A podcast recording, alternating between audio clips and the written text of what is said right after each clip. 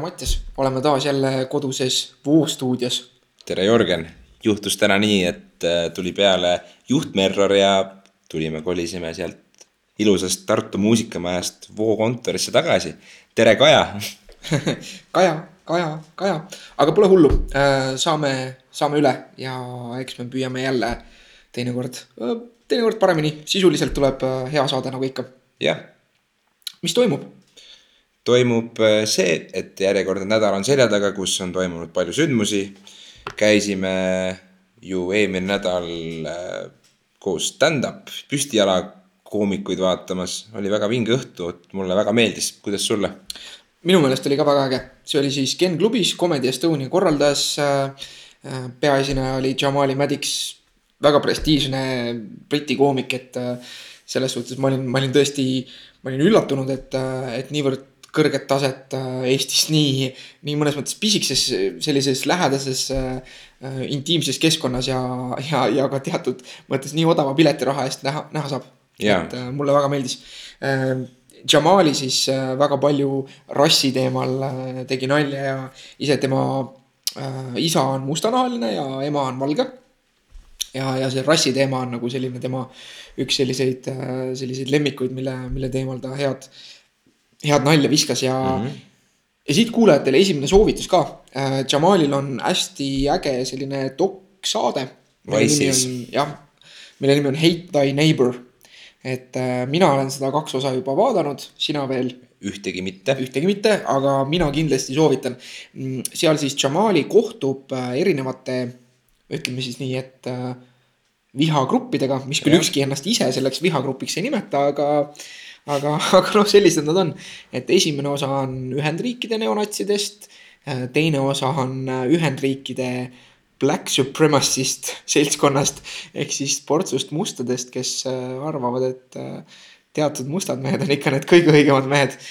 ja, ja, ja ta on veel käinud selle saatega Iisraelis, Ukrainas, Aasovi juures, eestlastele ka mõnes mõttes selline lähedasem teema ja, ja väga äge formaat ja ja, ja tänapäeva sellise multikulturalismi ja, ja tolerastide ja rassistide ja selles teemas väga, väga päevakajaline ja, ja väga nagu selline soe ja südamlik ja ja ma arvan, et, et väga laiale ringkonnale sobib seriaal. Hate thy neighbor, lingi paneme saate märkmetesse. ja, ja tema stand-up idel on samamoodi sa-, see sama temaatika on suuresti kaetud ja see, kes ei viitsi sarja vaadata, võib tema kümneminutilise klipi ära vaadata, neid on päris mitmeid Youtube'is. paneme mõned paremad ka alla, et äh, tõesti, tegu on andeka mehega, kes äh, korjas nii-öelda saali energia ülesse ja freestyle'is ja pikkis meid sealt eest reast kõiki päris korralikult, et me ise küll naersime pooleks ennast seal.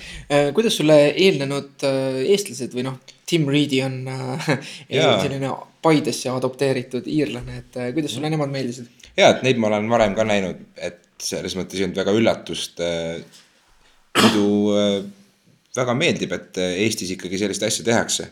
Pole üldse halb vaadata ja elan igal juhul kaasa neile, et õhtune ajal muidugi oli Maddox, et sellel pole küsimust. ja see on nagu äge, et see stand-up komedi püstijalakomöödia traditsioon on nagu taaselustunud, et see on täpselt sihuke asi, et üheksakümnendatel, me oleme nüüd jälle see, et nüüd äh, ma ei tea, kuidas sinuga, mina saan rääkida, et kui vana ma olen tegelikult.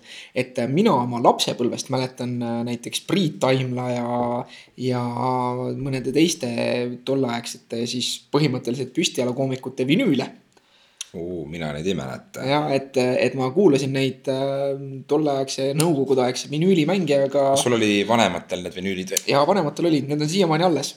Vinge, oh neid peaks kunagi siis äh, kuulama. jah, et, äh, et tegelikult ju äh, just nagu seal üheksakümnendatel oli Eestis sisuliselt samasugune püstijala traditsioon ja kogu on täiesti olemas. Need olid enamasti näitlejad ja raadiohääled, kes siis ka tuuritasid mööda rahvamajasid ja, ja see show mm. seisneski selles, et üks või kaks meest nagu nii-öelda mikrofoni juures tegid nalja ja see pigem oli sarnane isegi just nimelt praegusele püstijala komöödiale, äh, sellisele improvisatsioonilisele osalt. mitte niivõrd nagu selline nii lihvitud ja, ja lakutud nagu siin võib-olla mingid Peeter Oja või, või, või muud sellised Jah. ja etteasted, etteasted on. et ja, ja mis on nagu fun fact, et tegelikult üks praegustest noortest püstialakoomikutest, perspektiivikatest, keda ma ise ei ole näinud äh,, Kaarel Nõmmik on, on väga Eesti kindlasti legendaarse näitleja ja püstiala komöödiamehe Sulev Nõmmiku lapselaps. lava nimega Kärno Härni. et seal mm. olid teised veel Priit Aimla, Raimo Aas, Margus Lepa, tuntud siis Tootsist, Tootsist kiirena Jah. et, et see seltskond, kes, kes käis ja tegi, oli, oli päris suur, aga kuidagi üheksakümnendatel see asi või noh, nii-öelda nagu vabariigi tulekuga nagu järsku see asi vajus täiesti ära. üldse see komöödia, sihuke absurdkomöödia ja sotsiaalkriitilise komöödia skeene nagu, mis noh, nõukaaja lõpus oli ju väga tugev. et äh, see vajus täiesti ära ja, ja tuli siis alles taas, et äh, seal kuskil üheksakümnendate lõpus, et et armastus, armastus kolme apelsini vastu oli nagu sihuke veidra komöödia esimene pääsuke, et seda võib-olla. ja see on nael, mida, mida kõik teevad jah jah, ja seda vist saab ka Eesti Rahvusringhäälingu arhiivist äkki veebis järgi vaadata või vähemalt ma ise küll huviga lähen kaeban natukene ringi ja vaatan, mis ma leian, et äh, tegelikult see on põnev teema. ja Eino Baskin ka muidugi, et kes on Ai, nagu muidugi. läbi, läbi aja, kes, kes ka tegi nagu põhimõtteliselt stand-up'i mingil ajal ja, ja noh, ja tollel ajal ka, et need äh, mehed andsid plaatidena oma, oma nagu mm. -hmm. raadio mingeid äh, esinemisi või asju välja. Et, et täitsa nagu oli, oli asi olemas ja, ja nüüd on nagu näha, et on uh, uued noored mehed peal ja, ja on ka väga äge. aga jah, et üks soovitus uh, Hate thy neighbor, et see ei ole ainult nagu naljasaade, vaid see on tegelikult päris, päris Kurb tõsine ka. ja päris kurb ka mõne, mõne koha pealt, et kindlasti, kindlasti soovitame vaadata. ja muidu ka nädala jooksul tegelikult on ikka jätkuvalt tulnud toetust, on tulnud kommentaare, konstruktiivset kriitikat. Igati vinge on näha seda, et meie mõtteaine muudkui kasvab, inimesed mõtlevad kaasa. see on ainult suurepärane, et aitäh teile. kõige olulisem äh, mitte isegi ei ole niivõrd äh, nüüd Facebooki likeid või jagamised, aga, aga lihtsalt, kui te seda saadet kuulate, mida te ilmselgelt praegu teete, siis äh, rääkige sellest oma sõbrale või ähm, vanematele, kolleegidele, lastele, et soovitage, et kuulajad on see, mille peal me elame. just täpselt. nii, liigume edasi siis äh, meie nädala mm, what the f sektsiooni. mis oli hea, hea nagu eestindamine sellele pakuti välja ka siin tagasiside kuulajate poolt pakuti välja, mida kuradit. mis mulle isiklikult nagu hästi ei kliki, ma ei kasuta seda väljendit nagu palju äh,. kuigi nagu sihuke ilus äh, mu laps kasutab kogu aeg mida värki. ja mida värki, mulle meeldis ise nagu, mis mõttes nagu, nagu mis mõttes, mis mõttes nagu Mm -hmm, mm -hmm. et äh, vaatame, mis siin külge jääb, ühesõnaga nädala WTF, mis oli sinu nädala WTF, Mattias? minu nädala WTF oli tegelikult hoopiski selle nädala What the hell ehk sitaks tuus. nimelt äh, Laur Joamets sai koos Sturgill Simpsoni bändiga, kus ta siis mängib Ameerikas, tuuritab ringi, Grammy. Kui keegi pole tema albumit, seda viimast A Sailor's Guide to Earth kuulnud juhtumisi, ma ka ise sellise lihtsa eestlasena, kes elab võib-olla teisele eestlasele kaasa, kes välismaal saab muusikat mängida, seda pool aastat tagasi kuulasin. tegu on tõesti väga hea albumiga, mis ei ole ainult selline kantrimuusika, vaid tegelikult ka vägagi suur bändimuusika, elav muusika, see on lindistatud lindi peale ja on väga hea kvaliteediga. et äh, soovitan kõigil kõrva peale panna ja ma arvan, et see Grammy on neil igati välja teenitud kui ka keegi kunagi saab neid laivis näha, siis minge vaadake, et ma olen ise Conani saates ja ja kui äkki, kui ma ei eksi, ka Lettermani saates olen näinud nende laive, kus, kus tõesti bänd on suur ja, ja muusika on ilus. äge oleks see, kui Joametsa osalus nagu, kui nad Euroopa tuurile tulevad, et äh, äge oleks, kui nad Eestisse tuleksid. See on muidugi nagu, aga kas sa tead, kas see on esimene Grammy eestlasele? Ma ei ole, ma ei ole päris kindel, et. eestlase osalusega Grammy. ma tean, et Sturgill Simpson on varem saanud ka Grammy, aga ma ei tea, kas Laur sellel ajal oli bändis ja kas ta reaalselt kirjutas neid lugusid nii, nagu ta seekord, et äh, info puudub. see on keegi... hea trivia küsimus, et võib-olla keegi külalistest, või külalistest, kuulajatest on nõus selle meie eest ära vastama, et äh, kas äh, praegune Grammy või, või üldse millised eestlaste osalusega kollektiivid on saanud Grammy'sid just mm,? Ja kindlasti see on ka meiepoolne soovitus tõesti, mina olen ka üles kasvanud selle teadmisega, et kantri on nõme ja. ja, ja kantrit kuulavad ainult mingid äh, paksud vanamehed äh, umbes küla Simmanil. see ei ole absoluutselt tõsi selles, mis puudutab Sturgill Simpsonit, et äh,, et mina kui äh,, kui selline klassikaline oma, oma ajastu kantri antagonist, siis äh, mulle ka tegelikult äh, Sturgill Simpsoni muusika täitsa meeldib ja, ja kui te ei ole seda kuulanud, siis äh,, siis soovitan nii, Jörgen, mis on sinu nädala, mida helli, mida F-i, mida äh, asja? mis mõttes nagu see minu nädala MMN äh, WTF on äh, seotud sõbrapäevaga äh,. ilmselt enamus teist kuulavad seda neljateistkümnendal veebruaril, sõbrapäeval, lindistame kolmeteistkümnendal, me alati lindistame esmaspäeva äh, hilisõhtul. siis äh, nägin Prisma reklaami Prisma reklaami, mis seisnes selles, et äh, kondoomid ja kommid miinus kakskümmend viis protsenti all väiksemas kirjas. et kedagi ikka leiad, et mis mõttes nagu, see on nagu, äh, see ei olnud mitte ma ei saa öelda, et see reklaam nüüd mind oleks kuidagi vihastanud või, või erilist mm. emotsiooni tekitanud selles suhtes. teine, mis mõttes nagu läheb sellele, et internetis oli näha, et mingid inimesed on kuidagi nagu väga närvis selle peale. ja ma mõtlesin, et come on, et see on, see on reklaam, keegi copywriter tegi nalja üldse mitte väga halba nalja isegi minu meelest, see on nagu yeah. kommid ja kondoomid, kedagi ikka leiad, et noh, see on küll kellele, see on suunatud nagu sotsiaalselt vastutustundlikele kommionudele, ma ei tea. et mm. ühesõnaga sihuke veider, veider, veider nagu reklaamlause või mm. kuskilt see igatahes tuli. aga reklaam reklaam, mind alati isiklikult kunagi ükski reklaam väga ei aja närvi või ei eruta kuidagi, vahel ma mõtlen mõnest reklaamist, et oo, et see on hea või äge noh, mingid reklaamid, mis on kuidagi väga otseselt, kas äh, mingit seksistlikku või mõnd muud nagu kahjulikku stereotüüpi kinnitavad, noh, nende suhtes ma mõtlen nagu, et äh,. et äh, mis mõttes nagu, aga, aga see Prisma reklaam jah mm, pani muigama ja, ja topelt muigama pani siis teatud inimeste reaktsioon sellele, mis, mis ilmselgelt näitas seda, et nad võtavad ühte sihukest reklaami liiga tõsiselt. just, et ma ise mõtlesin samamoodi sellele kuivõrd palju inimesed võtavad reklaami isiklikult või tahavad vaadata seda kui mingisugust rünnet, et äh, ei ole vaja reklaami karta ja ei ole vaja seda niivõrd oluliseks pidada, et lihtsalt need käib paremalt-vasakult iga päev meil mööda, et me ise oleme kõik mingil määral reklaami ohvrid ka tihtipeale ja mingisugused valikud, mina vähemalt tean, et ma teen äh, ilusa toote välimuse või pakendi peale või, või mõne hea telereklaami peale või ma väga vägagi hindan seda, kui on palgatud mingisugune andekas meeskond, kes produtseerib sellise läbimõeldud hea konksuga reklaami, mida on äge vaadata ka vaatajal. mis võib olla ka isegi näiteks mingisugune lühifilm kahe minuti jooksul enne filme kinodes näidatakse neid pikemaid reklaame teinekord.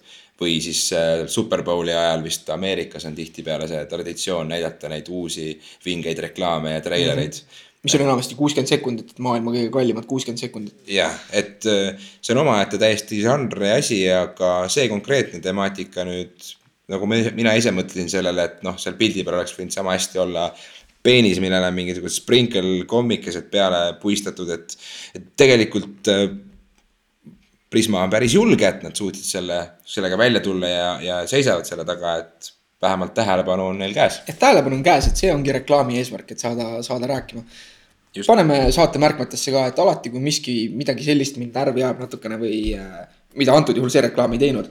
et siis äh, sa mainisid seda isiklikult võtmist, et ei tasuks võtta siukseid asju isiklikult äh,.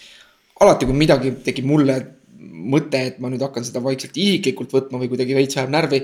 ma mõtlen selle peale, Oreli poisil on üks suurepärane laul, Võta isiklikult selle ja. paneme ka saate märkmetesse, et et ma hakkan seda oma peas ümisema ja kohe läheb tuju paremaks, kui, kui midagi sellist tuleb see on selline hea laul eestlastele. just.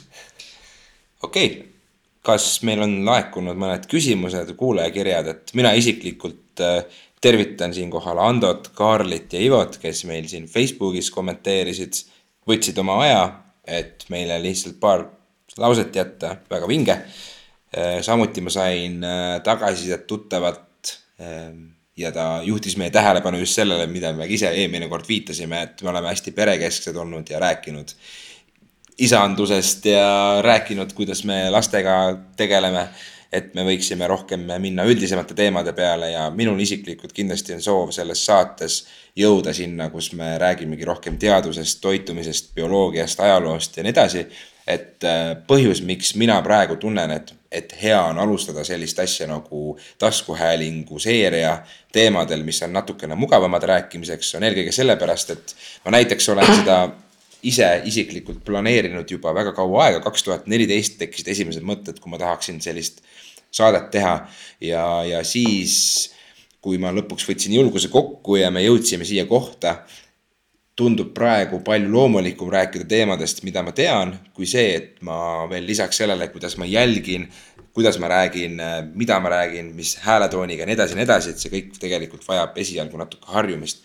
ma tunnen, et, sellised kodused teemad kus ma olen äh, nagu kala vees, sobivad praegu paremini, aga eks me oleme seda pereteemat ja ka suhete teemat nüüd üsna kaua nämmutanud, et täna me tõmbame sellega kriipsu alla lõpuks, et. Äh, jah, et meie eelmine kord see papa erisaade, see nagu äh, sai palju, ütleme, vastandlikku tagasisidet, et samas räägiti, et äh, mõnele see jällegi väga meeldis, eks see ilmselt seotub sellega, kui palju keegi ise haakub, aga jah, et me täna räägime rohkem äh, suhetest selle poole pealt, mis puudutab vallalisi inimesi täiesti puhtjuhuslikult langeb see kokku, eks ju, sõbraga, sõbrapäevaga ja, ja kõige sellega, mis, mis sellega kaasneb, et, et kellegi leiad ikka ja nii edasi.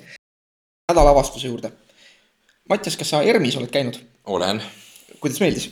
vägagi meeldis, mu hea lähedane sõber Karl-Erik on seal restauraator olnud ja, ja ta tegi mulle selle väga vinge tuuri ja absoluutselt ilus, palju uut infot ja peaks mitu korda seal käima, et tegelikult kõike seda hoomata minu nädalavastus on ERM, võtsime perepileti aastaks. Äh, ja sest äh, seda ei suuda ühe korraga läbi käia mm -hmm. ja mis on nagu avastus tegelikult, ilmselt kõik kuulajad juba teavad, et ERM on olemas ja et tõenäoliselt on äge, jah, on äge. nädala avastus on see, et äh, nägin ise ka, et on äge ja et see terve äh, mulle, mis, mis nagu eriti meeldis, see on nüüd veel natukene papandust. see terve kompleks on lastekindel sinna saab vabalt minna lastega ja ei pea muretsema, et nad kuskilt midagi, kas ennast vigastavad või mingisuguse. riiuli pealt mingisuguse asja alla võtavad. Tuhandeid aastaid vana vaasi kuskilt äh, maha ajavad, et see on äh, selliselt tehtud, et sinna on äge minna lastega. ükskõik, mis vanuses nad on ja, ja, ja see on minu, minu nädala avastus midagi konkreetset ma sealt välja ei tooks peale selle lihtsalt, et mõlemad püsiekspositsioonid on minu meelest kihvtisti tehtud natuke mind isiklikult segas see, et ta on hästi intensiivne nagu võib-olla nagu sellest muuseumist ma nagu natuke, see on sihuke isiklik asi, et sooviksin, et ta oleks nagu natuke vaiksem, et seal oleks ka nagu mingeid vaiksemaid kohti, et seal on hästi palju sellist audiovisuaalset nagu äh, sisu, mis äh, lihtsalt, kui sa käid ja käid ja igal pool on sul nagu kuskil seina peal jookseb mingisugune film või mingi visuaal ja, ja kuskilt tulevad mingisugused helid, et kas need on siis mingid loodushelid või räägib seal mingisugune lugu mm. -hmm. mina tajusin mingitel hetkedel, et seda on natukene liiga palju, et seal sihukest vaikust, noh, tahaks nagu mingil hetkel vaikust, aga, aga samas jällegi kuna äh, nagu ma ütlesin, et võtsime selle pika pileti väga hea mõte oli see selles suhtes, et seda ei jõua hoomata lastega, seal ongi paras nagu mingi tund, maksimum poolteist olla ja endalgi saab sellest infost lihtsalt küllastus. et, äh, et selles suhtes need, kes on Tartu inimesed ja kes tunnevad selle asja, asja vastu huvi, et äh, ma ütlen küll, et tehke see, tehke see väljaminek ja võtke pigem see, et. palju see sellega, aastane pilet umbes maksab? Äh, see oli minu meelest kuuskümmend viis ja, ja selle eest siis saab nagu kaks täiskasvanut äh, koos lastega nii palju käia, kui süda lustib. nii palju käia, kui süda lustib. Need kaks täiskasvanut on nimelised selles mõttes, et okay. seda ei saa nagu sõbrale saa, edasi anda. küll sa võid kaasa võtta selle piletiga sõbra lapsed. et äh, selles suhtes see on nagu, näiteks ma just mõtlesin, et geniaalne oleks näiteks, et kui sa töötad lapsehoidjana siis oleks see suht yeah. geniaalne värk nagu endale see soetada ja sa pakud seda ka nagu teenusena, et äh, davai, et ma võtan su lapsed kaasa ja viin nad ERM-i paariks tunniks. et äh,. kuule, see on jumala hea mõte, ma tean ühte inimest, kellega koos ma väga sinna tahaks minna ja aasta jooksul seal jupiti käia, suurepärane. ma ei ja. teadnud, et sihuke pilet on jah, ja noh, kui võtta, et see ühe korra pilet, et ma ütlengi, et noh, nagu sihuke minu sisetunne, et mulle ei meeldi küll rahast niiviisi rääkida, aga yeah., aga, aga see üks täiskasvanu pilet, kas oli mingisugune kümps või midagi. et ähm, et nagu natukene noh, arvestades seda, et okei okay,, et selles suhtes, et kui sa lähed sinna ja käid terve muuseumi läbi, siis kindlasti on seda elamust seal selle raha eest nagu piisavalt mm. -hmm. et, et selles suhtes nagu täiesti kindel. aga, aga seal võiks olla minu meelest ka nagu mingi sihuke, ma ei oska öelda nagu noh, näiteks nimeline mingisugune kahe korra pilet või midagi sellist mis oleks ka nagu natukene soodsam, et inimene saakski võtta selle, et, et ta just ei tunneks seda survet, praegu on nagu noh, paraku see on see, kuidas inimese mõtlemine nagu töötab, et, et ta võtab selle pileti ja tunneb, et see on nagu üsna kallis ikkagi. ja siis, et oh, et ma tahan nüüd selle eest nagu kõike saada. ja, ja siis ta võib-olla veedabki seal nagu mingisugune kaks või kolm tundi ja see on nagu liigne küllastatus et okei okay,, seal on see võimalus, et sa vahepeal teed lõuna kohvikus ja siis lähed veel tagasi.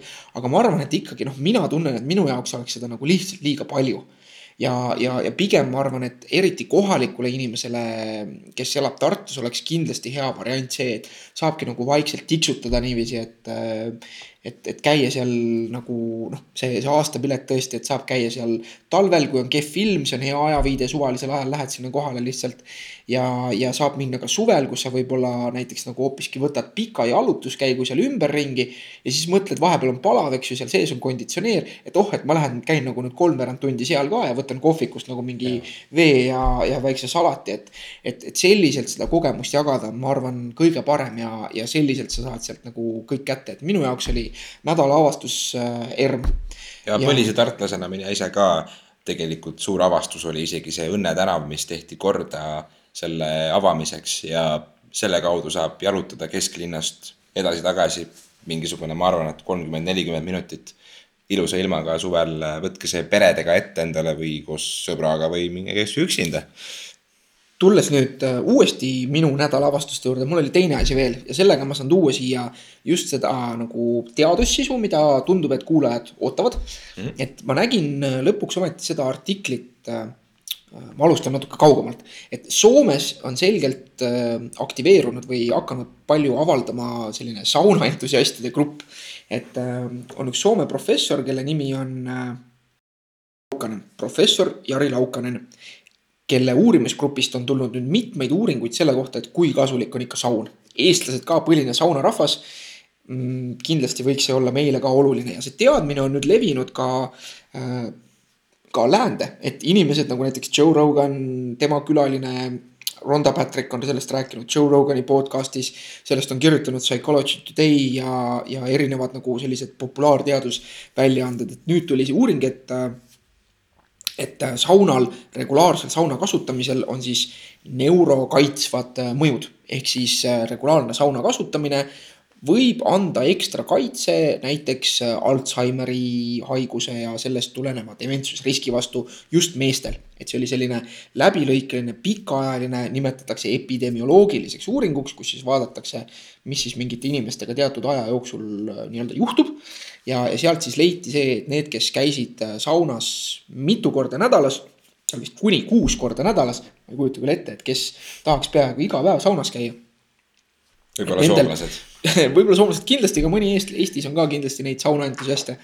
Ähm, et neil siis oli oluliselt vähenenud äh, risk, risk Alžeimeriks ja Kas... arvatakse, arvatakse siis, et see temperatuuri mm. kõikumine nii-öelda on see selline positiivne stress, mis aktiveerib keha immuunvastust ja aitab siis äh, aktiveerida sellist äh, asja ajus, mille nimi on äh, BDNF ehk brain derived neurotrophic factor, mis siis süüvimata sellesse on ajus väga paljude asjade jaoks hea. kas saunas käimine, eks ole, mõjutab otseselt vereringlust ja sinu keha, ma ei tea, hapniku vastuvõtlikkust ja nii edasi. et ilmselt see siis, ma tahtsingi, sa jõudsid juba natuke ära selgitada, et, et kuidas see just Alžeimeriga nagu seotud on, et ma ise väga lihtsa teemast kauge inimesena tegelikult ei tea selle kohta midagi, et põnev, põnev teema. Aga tundub, et jah, see vereringe hüpotees võib olla üks, kindlasti üks põhjuseid, aga, aga mitte ainus. aga ma tahaks siinkohal rõhutada ka, et tegelikult peab olema selliste uuringute suhtes alati ettevaatlik. sest sellistes uuringutes, mis nii-öelda pika aja jooksul lihtsalt vaatlevad, mis inimestega juhtub ja milliseid haigusi nad saavad ja ei saa. seal on väga raske kontrollida neid kõiki muid tegureid, mis, mis võivad mõju avaldada. näiteks äh, siin uuringus äh, on küsitav see, et kuidas me saame välistada selle, et need inimesed, kellel on võimalust ja tahtmist käia kuus korda nädalas saunas, kuni kuus korda nädalas saunas mm. -hmm. võib-olla nad on mingil muul moel hoopiski fundamentaalselt erinevad nendest, kes saunas ei käi. noh, ilmselgelt on seal see, et need inimesed, kellel on näiteks nõrk süda, need niikuinii ei käi saunas ja, ja, siis on loomulik, et nad äh, on väiksema äh, nii-öelda suurema riskiga südamehaigusteks, sellepärast et inimesed, kellel on äh, eelsoodumus südamehaiguseks ja kes seda kuidagi tajuvad või tunnevad või on arst neile öelnud, noh, nad ei käi niikuinii tihti saunas. et, et ähm, sellistes uuringutes küll uurijad püüavad võtta neid tegureid kontrolli alla, et, et, et teha neid gruppe võimalikult hästi võrreldavaks, aga alati on võimalus, et midagi sellist nii-öelda kolmandat lipsab selle nii-öelda kriitilise silma alt äh, läbi ja, ja hoopis see on see, mis, äh, mis, mis mõjutab, ähm, mõjutab siis seda tulemust. nii et ähm, praegu on küll viiteid sellele, et, äh, et sauna kasutus võib olla hea ja kasulik, aga, aga kas ka päris nii hea ja kasulik, kui, kui seda praegu nagu nii-öelda haip on üleval, seda me siiski veel ei tea. milline su enda suhe saunaga on, et oled sa, oled sa saunainimene? ma olen saunainimene, et mul on vanemate kodus on saun, kus ma armastan käia, ma käin seal võib-olla kuus-kaks korda umbes, kus, kui ma külas käin neil nädalavahetuseti. ja mu lastele meeldib seal käia. Äh, selline mõnus pool tunnikest võtta endale. kunagi ma alati sattusin sinna siis, kui meil eelmine päev käinud just väljas peol, et siis pohmakaga saunas käimine on üsna suremine seal saunalaval, aga nüüd, kus ma enam ei armasta väga alkoholi juua ja pidu panna, siis saunas käimine on niisugune väga mõnus värskendav äh, väikene protseduur. soovitan kõigile, kes vähegi arvavad, et neile võib-olla ei meeldi saunas käia ja nad pole tegelikult viitsinud, et eriti kui teil on võimalus käia näiteks suitsusaunas, proovige ära, et see on väga-väga mõnus. minu sauna, mulle, mulle meeldis saun, aga peale sportlase karjääri siin kuulajatele selgituseks, et, et sportlik vabavõitlus on kaaluklassidega spordiala ja seal paratamatult käib selle kaaluklassides võistlemise juurde see, et äh, sarnaselt ka maadlusele või judole, et, et tihtipeale nagu viimased äh, grammid ja, ja päris profide juures ka kilogrammid, et need lihtsalt enne siis kaalukategooriasse mahtumist higistatakse välja mm. -hmm. mis, mis. toimub võib... saunas mingisuguse ilge jakiga kindlasti jah. jah, et mis siin võib tekkida küll küsimus, et issand, et kuidas sa võistelda jaksad, kui sa oled ära higistanud, aga, aga profi, profialad Äh, just profiboks ja, ja, ja sportlik vabavõitlus, et seal on ja, ja isegi tegelikult amatöörmaadluses, et seal on kaalumise, kaalumine toimub kak-, kuni kakskümmend neli tundi enne võistlust ja tegelikult seal on see kakskümmend neli tundi on piisav aeg, et äh, taastada teatud äh, vedelikuvarud et loomulikult minnakse sellega ka üle piiri ja see on absurdselt ohtlik ja, ja enamik inimesi tegelikult ei peaks seda kindlasti tegema, aga, aga, aga seda tehakse, sest, sest seal tõepoolest on see, et et kui, äh, kui see kakskümmend neli tundi on möödas ja, ja sina ei ole seda higistamist teinud paari kilo võrra ja sul on vastane, vastas, kes on võib-olla seal kuni viis kilo välja higistanud, siis ta on sinust lihtsalt suurem ja tugevam. Ähm, et äh, nüüd on küll positiivne muutus, et sporti on aetud sinnapoole, et seda püütakse vähendada, aga, aga tõsi ta on, et olen minagi rohkem kui üks kord mingisuguses kummalises kummikile kostüümis saunalaval istunud päris pikalt äh, ja, ja peale seda see saunas käimine enam ei ole päris see, et. Äh, aga lühidalt ma küsin su käest, et milline on selline optimaalne võitlussportlase kaalu langetamisperiood, et kas see on üks kuu või see on, kui sa saad teada, et sul tuleb matš, et kas sa hakkad siis juba kaal, langetama kaalu, toimub see nädala-kahe jooksul enne matši või kuidas see periood välja näeb? noh, see on hästi individuaalne, kuidas seda päriselt tehakse ja tegelikult on nagu parimate praktikatega on ka nagu kehvasti selles suhtes, et parimate praktikatega siis selles tähenduses, et kas on mingit ühtset protokolli, mis võiks kõigile sobida, et, et seda äh, nagu kaalulangetust äh, võitlusspordi jaoks, arvestades, et kaalumine on kakskümmend neli tundi enne, seda on sellisel kujul päris vähe uuritud. ja, ja, ja, ja seetõttu on seal palju ka sihukest tõelist nagu inglise keeles öeldakse nagu bro science, et mm, -hmm. et mhm. Keegi vend kuskil ütles, et oh, et see on nüüd hea meetod ja, ja, ja siis näiteks tema juhendatud sportlane või tema ise oli, oli edukas ka ja siis. seal on seesama case nagu just selle sauna uuringute, uuringuga, millest me rääkisime, et tegelikult võib selle edu tuua hoopis mingi muu faktor, mitte, mitte see, millele see tähelepanu koondub see kindlasti väga individuaalne, aga, aga ja. kui palju sina oled kaalus võistluse jaoks äh, langetanud? noh, minu Viimas. nagu sihuke jällegi see on, ma räägin asjast, mida, mida kindlasti tavalised inimesed ei peaks tegema ja see ei, ei ole kindlasti meetod, millega näiteks äh, mingisugusesse pulmaülikonda nüüd sisse mahtuda või. Äh, kakskümmend neli tundi enne vaata, mõõdad ära ennast et, et see oli nagu päris ja, ja seal on võimalik, et seal on ka pikaajalised tervisekahjud, et, et seetõttu ma ei lasku nagu detailidesse, kuidas täpselt seda teha mm. -hmm. aga, aga selline standard, ütleme, ütleme standard, mis käib nagu võitlusspordi, profi võitlusspordi juurde, ütleme profiboks ja, ja taiboks ka üks sportlik vabavõitlus. Mm, seal ütleme selline noh, kümme protsenti kehakaalu langust viimase kahe nädalaga, äh, millest siis umbes seal viis protsenti võib-olla Äh, viis protsenti nagu siis sellest kahe nädalast, kahest nädalast nagu esimese pooleteist nädalaga ja siis teine viis protsenti nagu selle viimaste mõnede päevadega okay,. Okay. Äh, et, et see on nagu suhteliselt standardne, ma arvan. mis on siis äh, noh, minu võistluskaal oli kuuskümmend viis koma kaheksa, et, et tavaliselt.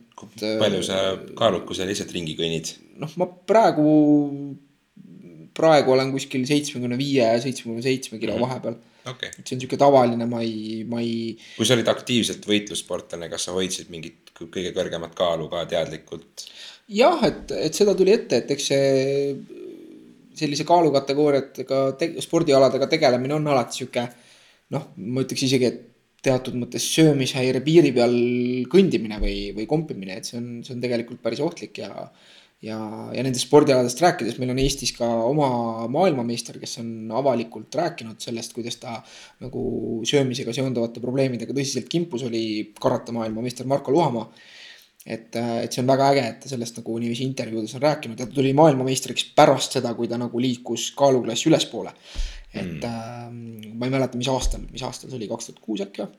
Mm, et, äh, et see on, see on nagu päris sihuke noh, ütleme ohtlik värk nii psühholoogiliselt kui kehaliselt ja, ja, ja tegelikult on ka neid sportlasi, kes on enda tervisele tõsist häda teinud, et äh, näiteks äh, praegune mm, UFC äh, poolraskekaalu tšempion Daniel Cormier, kes oli olümpiamaadleja ja olümpial sai hõbeda, siis Pekingis jäigi tal maadlemata, sellepärast et nende kaaluvõtmisprotseduuride tõttu sai ta vahetult enne võistlust sai tõsise neerupuudulikkuse. ja, ja, ja nagu ei, ei saanudki võistelda et, äh, et see on nagu päris, äh, päris ohtlik värk, noh ütleme nii, et kui seda teha nagu arstidega konsulteerides ja, ja, ja keegi, kes on tõesti, kes oskab su tervist jälgida ja selle kõigi alus on see, et sa oled eelnevalt terve inimene. eks ju, et sul ei ole mingeid eelnevaid terviseprobleeme, et siis ma arvan, et, et sellist nagu, kui, kui kaalumine on kakskümmend neli tundi enne, et see kümme protsenti kaalu langetada seal suhteliselt lühikese ajaga mitte seda tervet kümmet protsenti ainult nagu välja higistades, eks ju, seal on kõik mitmed asjad, eks ju, et sa viid nagu keha süsivesikuvarud näiteks hästi madalale ja, ja siis laed uuesti süsivesikutega viimasel hetkel, et et, et seal on nagu palju erinevaid komponente, et, selline kümme protsenti, kuni kümme protsenti on, ma arvan, tehtav suhteliselt turvaliselt. aga, aga, aga see vajab katsetamist ja, ja see vajab kindlasti meditsiinilist järelevalvet, et Äh, et, et, et see on nagu sihuke õige, näe, näe, kuhu see teema triibis hoopiski sauna pealt. just, aga lõbus vahemärkus, et kui ma väike poiss olin ja veel raadil elasin, siis minu naabrionu oli Marko Luhamaa. ja kui poisid mind minu veneaegse kokkupandava ratta pärast narrisid, siis tema tuli, ütles mulle, et see on väga äge ratas. ja siis ma sain palju enesekindlust sellest kohe juurde ja äge. kütsin edasi seal rattaga õues. Marko Luhamaa on väga, väga lahe tüüp, et, äh, et, et oleme koos ka Mati jaganud ja ja, ja, ja jutu ajanud, et. Äh, just, tervitused Markole, loodetavasti ka ta kunagi kuulab. see oleks, see oleks äge. aga minu nädalavastus on siis see, et äh, märkasin just, et kakskümmend neli tundi tagasi ma olin muusikavideo võtetel enda bändi Interomega uue singli muusikavideo võtetel Rannu külamajas või rahvamajas. me sebisime sinna endale ruumi, viime, viisime sinna tehnika, filmisime ise oma video ja võib-olla avastus kui selline on seotud sellega, et vahepeal ma olin muutunud üsna mugavaks ja, ja enesekindlaks ja arvasin, et äh, DIY ehk siis tee ise süsteem ei ole kõige parem, et palkame igalt poolt inimesed, et tegelikult praegu ma jälle tunnen, et igasugune ise proovimine ja kui sul on vähegi tehnika võimalus, siis ma soovitan kõigil, kui sa tegeled loominguga, olgu see muusika või filmimine või mis iganes analoogne tegevus võta julgelt internetist endale mingisugused tutorial'id ette või, või juhendid, vaadake peale neile ja proovige, katsetage, et ma ise olen praegu sellises loomingulises pilves. video läks hästi, singel tuleb kokku, ma olen väga põnevil, et seda juba kõikidega jagada. ja teine osa sellest nädala avastusest ka seotud sellesama võtetega on see, et äh, ma olen vanaks jäänud, et nooremana, kui ma siin kaks tuhat viis hakkasin bändi tegema ja kaks tuhat kuus kuni kaks tuhat üksteist oli periood, kus ma aktiivsemalt olin esinemas nii Eestis kui Lätis ja nii edasi, et äh, siis minu keha oli palju vastuvõtlikum sellele mošimisele ja sellele aktiivsele liigutamisele, aga eile ma pidin kuskil viisteist kuni kaheksateist korda äkki seda ühte lugu kaamera ees terve bändiga sama energiliselt esitama ja kui me seal neli tundi hiljem ikka veel hüppasime, siis ma lõpuks tundsin küll, et ma olen ikka täiesti kutu ja täna ma lonkasin tööle, et äh, selles mõttes on äh, äge näha, kuidas ma, kuidas vana koer korra püüdis jälle noor olla, et hästi naljakas ja hästi mõnus, aga ma tuletan endale meelde siinkohal, kui paljud meist saavad bändi teha, kui paljud meist saavad muusikavideot teha, et see väikene pigistus samamoodi nagu sina pidid kaalt langetama, et või kaalu langetama, vabandust, et et võistelda, siis äh, mina tunnen, et ma pidin natukene kaameras moshima, et muusikavideo purki saada ja igati mõnus kogemus. kas teie kontserditel inimesed moshivad äh, nagu lava ees ka? Kuule, tead, meil ei ole ühtegi kontsertit veel olnud. okay.. me olemegi tegelikult äh, täpselt niimoodi, et meil on nüüd äh, teine video kohe valmis, kolmas singel, neljas on ka tulemas, bändipildid on lõpuks tehtud korralikud, et kõik pakk on lõpuks koos, et võib-olla siin kevadel tehagi esimene presentatsioon ja siis ma kindlasti hõikan ka selle siin saates välja. Cool. MMA minutid. oma põhilise MMA järelkaja, eelkaja üritustest rääkimise viime me enda MMA podcasti, mis on tulemas ilmselt veebruari lõpus, järgmine. aga lühidalt nüüd, nädalavahetusel toimus UFC kakssada kaheksa ja selle kohta ei ole mul öelda muud, kui et kui sa ei ole just MMA fänn, siis sa võid selle ürituse julgelt vahele jätta. MMA fännile aga anname me oma mõtted juba siis selle kuu järelvaates aga mis üldiselt tahtsime MM-ast rääkida, on, äh, mis võiks huvitada kõiki, on see, et kui suur äri see tegelikult on ja mis seal praegu toimub globaalselt. et eelmisel aastal UFC müüdi äh, investorite grupile nelja koma seitsme miljardi dollari eest jah, et tegu on maailmas kõige enam populaarsust koguvama ja muudkui aga numbrite mõttes kasvava spordialaga.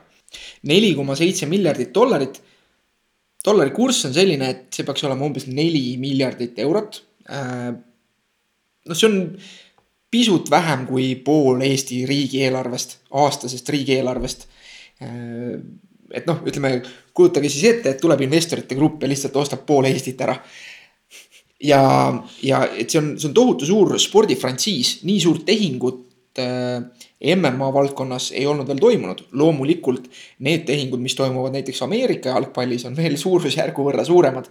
Äh, pesapallis, ähm, tippkorvpallis ja jalgpallis, aga aga selline, et osteti selline terve spordifrantsiis, see oli päris suur sündmus, sellest kirjutas isegi Forbes ja Business Insider, äh, mis muidu seda ala ju ei kajasta. ja see rahaline nagu tootlus selles suhtes oli päris huvitav. Ähm, enne seda kuulus UFC ähm, kahele kasiino omanikust vennale Ühendriikidest, Las Vegasest, Frank ja Lorenzo Fertitale. ja nemad ostsid äh, UFC kunagi. see oli äkki kaks koma millegiga miljonit. jah, kahe, kahe miljoni eest. nii et äh, see tähendab umbes nelja tuhande protsendist tootlust või, või veel suuremat. ja see on ka seotud sellega, miks praegu need asjad see kaks siis V ME IMG investorite grupi juhtimise all tunduvad UFC-s nagu natuke imelikud või et seal praegu puhub palju selliseid uusi tuuli. mitmed võitlejad on vallandatud, äh, mingisuguseid regionaalseid äh, üksuseid on terves koosseisus lahti lastud.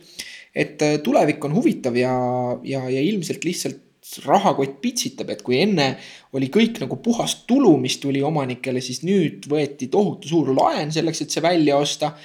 väidetavalt selle tehingu intressimaksed selle laenu pealt on sada miljonit dollarit aastas. noh, ma ei tea, mida sa teeksid saja miljoni dollariga aastas, et kui sa saaksid endale ühe aasta intressid selleks et, et see on päris nagu röögatult suured rahad liiguvad ja, ja see on päris põnev, kuhu, kuhu see suur frantsiis järgmiseks läheb. mina tegelikult isegi kahtlustan, et kui asi läheb edasi samamoodi mis tähendab seda, et UFC-l ei paista siit hetkel nagu mingeid suuri rahalaevu, et võib-olla isegi need investorid ühel hetkel nagu loobuvad investeeringust. aga samas jälle kahtlane, et kas nad on nõus mingit miljardist nagu kahjumit sealt lihtsalt vastu võtma paari aasta jooksul või, või, või milline on nende nagu pikaajaline plaan. et ühesõnaga suured rahad on mängus ja, ja, ja huvitav, kuhu see frantsiis tervikuna läheb, kuhu seda äri viiakse, kas ta läheb just globaalsemaks, kas ta läheb just äh, pisemaks, seda me hetkel ei tea. täna võtame kokku suhete teema, viimane saade, kolmas. kolmas. kolmas saade, kolmas saade, räägime veel suhetest, äh, räägime just pigem sellest, kuidas suhted algavad, kuidas ja miks nad lõpevad võib-olla. võib-olla igati paslik ka selle tõttu, et täna on valentinipäev enamike kuulajate jaoks just, loodetavasti sina ei ole üksi. jah, kellegi sa ikka leiad et äh, tegelikult see on üks asi, mis ma tahtsin öelda, et äh, eelmine kord äh, me ei jõudnud sellest rääkida. üks kuulaja, Kärt, saatis meile tagasisidet, et mis mõttes Jörgen ütles, mina ütlesin ikkagi, et inimesed ei peaks suhteid võtma nii tõsiselt see ei ole mitte see, et ma siin nüüd kutsuks inimesi üles hooramisele, nagu ütleks Varro Vooglaid vaid pigem ma tahtsin öelda seda, et äh, just, et tegelikult on üksi olemine ka fine. et, äh, et, et see, et inimesed ei peaks suhteid võtma nii tõsiselt, selle all mina mõtlen, et, äh, et inimesed ei peaks niivõrd kartma ei enda sidumist kellega teisega, kui Ega ka... ka mitte üksindust just, et ma just ka enne ütlesin siin, et loodetavasti sa ei ole üksi. ma ei mõtlenud ka seda niimoodi, et, et maru halb on üksi olla, vaid just seda, et üksinda olemine on selles mõttes vägagi vabastav ja hea ja kasulik meile kõigile mingisuguses doosis. samas ka lähedus ja kellegiga jagamine on vajalik kindlasti tingimata et selle tervislik tasakaal on just see, mida mina silmas pean. aga sellega on mõistetav ka, et miks see, miks see nagu stereotüüp nii lihtsasti tuleb, et äh, väga kenasti lappisid praegu seda, et meil ei oleks hea olnud seda juppi uuesti lindistada. Äh, et esmalt tuleb ikka see, et oi, et loodetavasti ei ole üksi või, või, või et see üksi olemine on nagu kuidagimoodi noh, hirmutav, mina arvan, et põhjused on siin lihtsalt evolutsioonis et meie evolutsiooniline minevik on olnud selline, et, et inimesed, kes jäid üksikuks või olid üksi, nad lihtsalt ei jäänud selles koopainimese ühiskonnas ellu. ja, ja varem ka, et inimene on ikkagi läbi aja olnud karjaloom ja, ja paljud meie praegustest hirmudest kartus kõrguse ees, kartus ämblike ees, kartus madude ees ja võib-olla ka kartus üksinduse ees on pärit just sellest ajast, kui kui me võib-olla elasime seal kümne-viieteist liikmelistes gruppides ja, ja võib-olla päris inimese nime veel ei olekski saanud kanda. et, et see on see, millest see tuleb ja, ja, ja siis see ongi praegu kultuuris nii sees, et, et tuleb hästi, hästi kuidagi loomulikult see ja noh, loomulikult üks asi on nagu oht iseendale, et üksinda olla oli ohtlik, ilma teiste toetuseta oli olla ohtlik, raske ellu jääda loomulikult ei ole võimalik ka üksinda enda geene edasi anda ja teatud mõttes see on ju ainus, millest, millest evolutsioon hoolib nii-öelda. just, et inimestena me tihtipeale mõtleme sellele, et kui me nüüd oleme liiga jagavad ja üldse üksinda ei ole, siis juhtub see, et me unustame ära enda ja muutume selliseks kollektiiviks ja mõtleme alati iga päev terve tiimina, et mina ise näen enda elu mustrite juures seda, et et äh, igal juhul selline individuaalsus, tervislik äh, vaba aeg, võib-olla enda peale mõtlemine, isekus on äh, sellised terminid või sellised asjad, mis peavad igal inimesel olemas olema. aga samas kuskil on see piir, kus sa tead, et sul on tagala, sul on keegi lähedane, sa saad kellegiga jagada enda muresid, enda ette tulnud erinevaid väljakutseid ja samuti ka õnnestumisi, et minule väga meeldib see teadmine, et mind ootab kuskil keegi. jah, aga samas ikkagi siin nagu noh, peksab see stereotüüp sisse, et, et ikkagi kuidagi nagu ilma ei saa või ilma on raske, et noh, et sina võib-olla ei oska enda elu nagu ette kujutada või sa mõtled endast niiviisi, sinu lugu mm. on selline.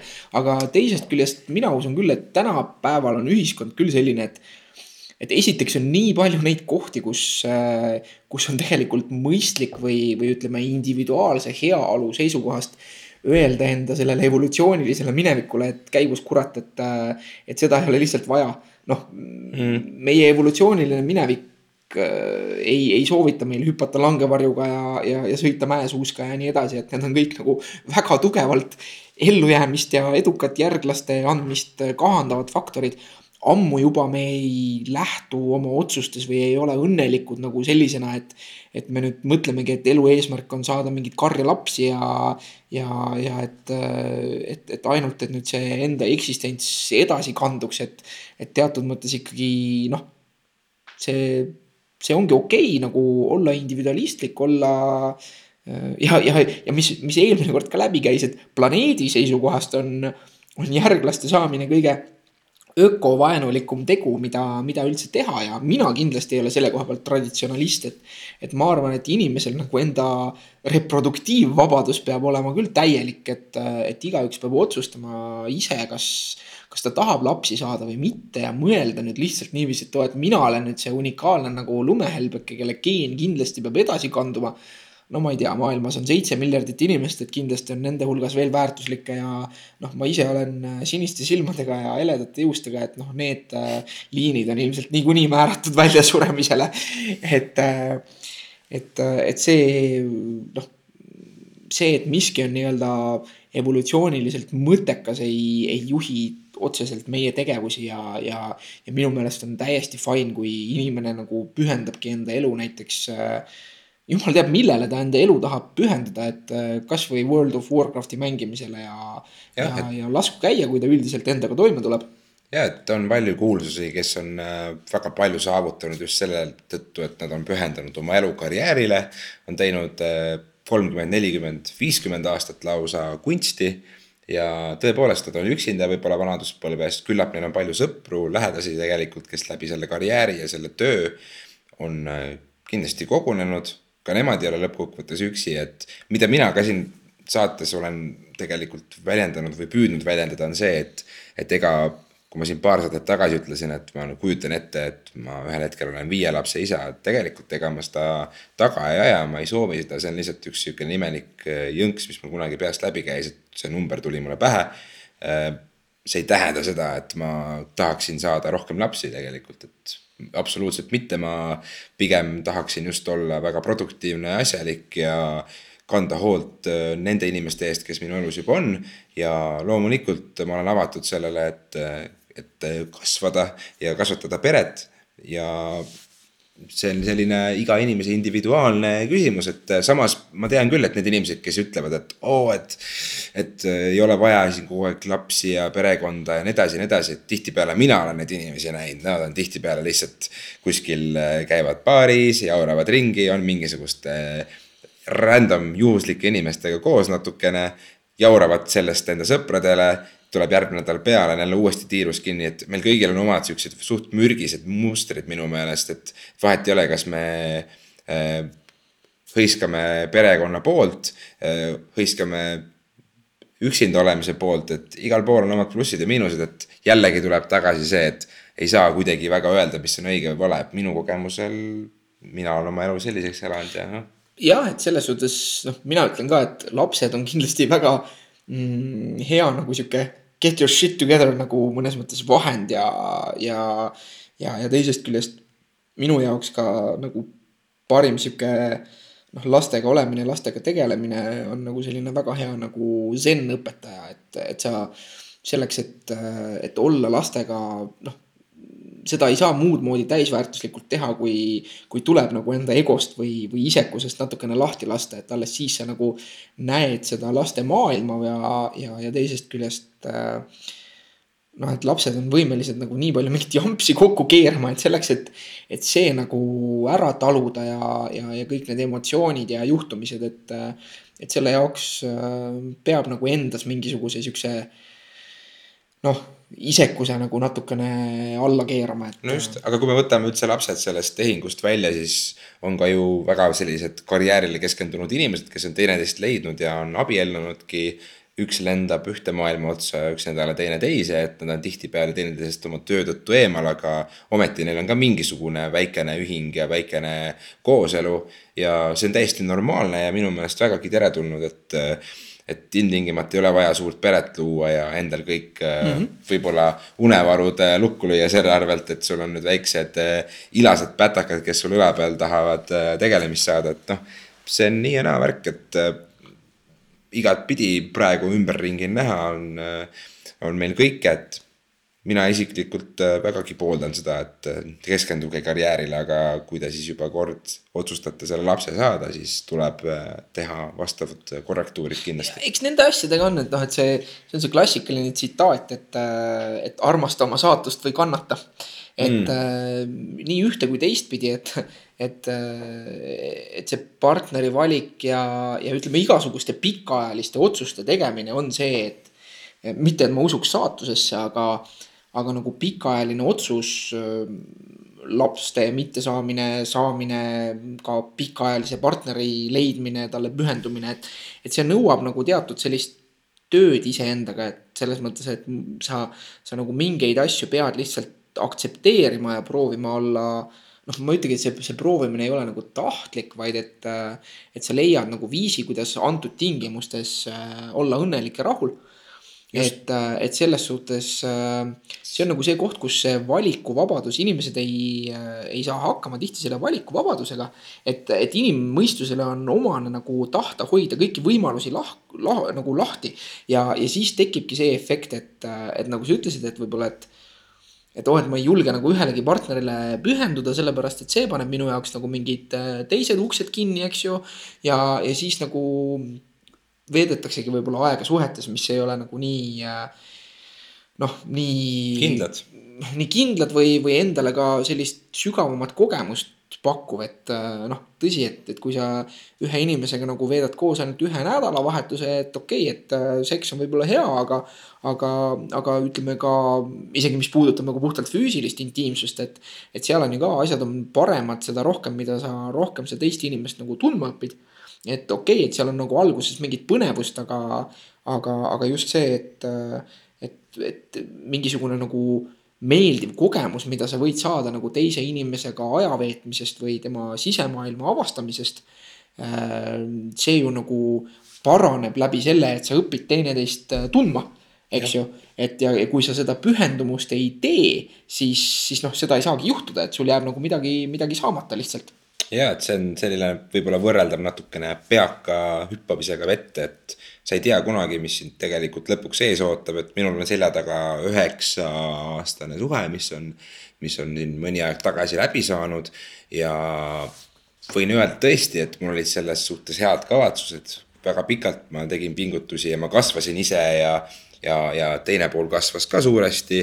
ja lõpuks äh, see asi kulmineerus sellega, et me kasvasime teineteisest lahku ja see on ka okei okay,, et äh, see ei ole tegelikult raisatud aeg, et see on äh, just vastupidi, minu meelest enda karakteri, vaimu, ka füüsiliselt enda kasvatamise õppeperiood väga suur tähtis osa minu elust, et ma olen valmis nüüd palju kogenumana ja palju äh, värskema pilguga võib-olla võtma vastu uusi väljakutseid elus, et äh, ka see, mis ma tahan öelda, on just see, et, et ei ole ilmtingimata raisatud aeg või mingisugune risk, mis ma kunagi võtsin, et ma sidusin ennast mingisuguse inimesega mingiks perioodiks ja võib-olla mõtlesin alguses küll naiivselt, et oi, et ma olen nüüd selle inimesega võib-olla elupäevade lõpuni koos et äh, ma, ma ei ütleks praegu, et ma olen õnnetu või, või et ma kahetseksin midagi sellist, äh, et kui ma selle asja alustasin, et loomulikult on igas suhtes mingisugused vead, kus sa võib-olla lased endale liiga teha ja see on minu meelest, äh, ma olen võib-olla ennast natukene ka lasknud väärkohelda.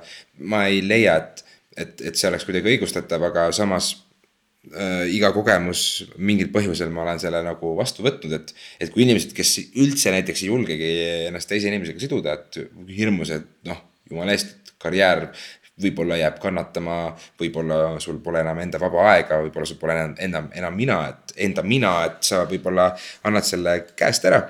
et ma arvan, et see tegelikult ei ole nii, et tuleb lihtsalt palju rääkida, tuleb olla julge, tuleb julgeda lahku minna ka õigel hetkel kindlasti, et ähm, mitte, et ma siin jällegi kellelegi ütleksin, et kuulge, et tõmmake nüüd laiali ära. lihtsalt seda, et äh, tuleb olla lihtsalt äh, vägagi ennast väljendav no,. Need on alati suhetes on see, et igasugused sellised pikaajalised asjad, sa, sa teed need otsused nagu ebapiisava informatsiooni põhjal, et nagu sa ütlesid, et.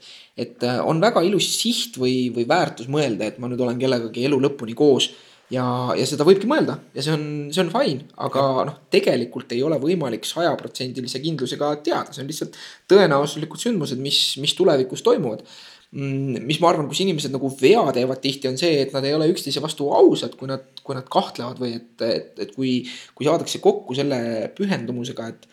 et okei okay,, et ma nüüd olen elu lõpuni koos, et siis nagu hakatakse kuidagi noh, et kui käib endal peast läbi mõte, et, et, et ma nüüd vaatan kedagi mm. teist korra või, või, või midagi sellist, et siis äh, siis sellest ei julgeta nagu rääkida üksteisele, et arvatakse, et see on kuidagi selle, selle usalduse petmine, kuigi minu meelest on tegelikult usalduse petmine sellest mitte rääkida.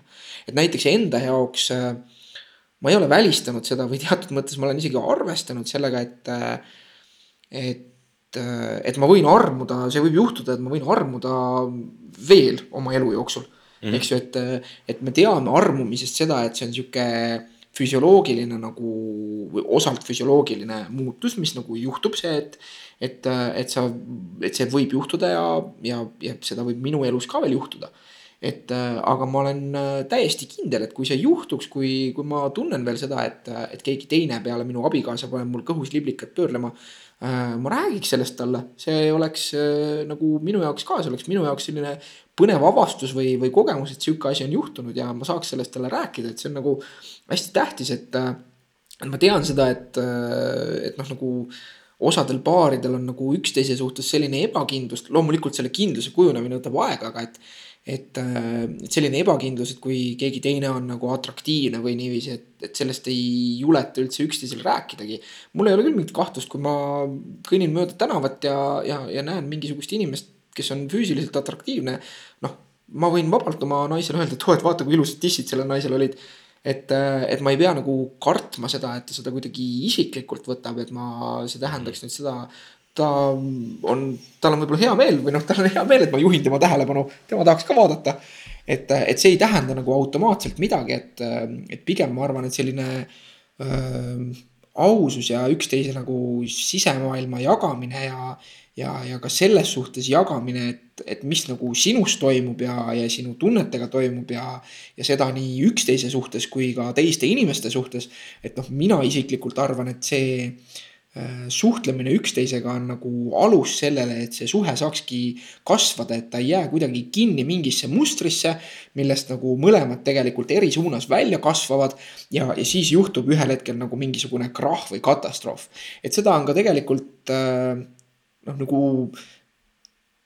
teaduslikult proovitud uurida või on leitud tegelikult seda, et, et see, mis inimeste jaoks on nagu petmine, et kui juhtub nagu selline kõrvalsuhe või kõrvalhüpe sellega, et tegelikult see, mida inimesed nagu tajuvad või millise õigustuse nad annavad üksteisele, et oh, et oi, et see kuidagi nagu juhtus, et näed, et selle vana tuttavaga nüüd umbes mingi juhtusime kuskile peole ja no me oleme mõlemad joonud ja siis kuidagi nagu juhtus et tegelikult sellele juhtumisele eelneb nagu rida nagu mingisuguseid teadlikke valikuid. et see on tegelikult teadlik valik nagu minna sihukesesse kohta, tarbida nii palju alkoholi kuni selleni välja, et siis sa jääd selle inimesega nagu ühte ruumi. et seal on tegelikult noh, ütleme võib-olla on vale öelda, et nagu teadlik valik, et inimene ei taju seda valikut teadlikuna. aga seal on nagu mingisugune hulk samme, mis, millel inimene nagu mõnes mõttes laseb juhtuda ja, ja, ja kui seda Äh, ja, ja kui siis juhtub nagu see, et inimene mõtleb, et oi, et see kuidagi nagu lihtsalt juhtus ja, ja sellest ei juleta näiteks oma partnerile rääkida. siis mis juhtub, on see, et, äh, et tekibki nagu mõte, et oi, et see oli nüüd mingi tõsine asi, et mul on nüüd suhtes kindlasti midagi väga valesti ja ma pean seda varjama. ja siis tekibki nagu see efekt ka, et äh, et ju see siis oli väga tõsine ja, ja, ja sealt pigem kasvab välja see soov näiteks selle inimesega uuesti kohtuda ja, ja hakatagi elama siis mingit nii-öelda kõrvalsuhet.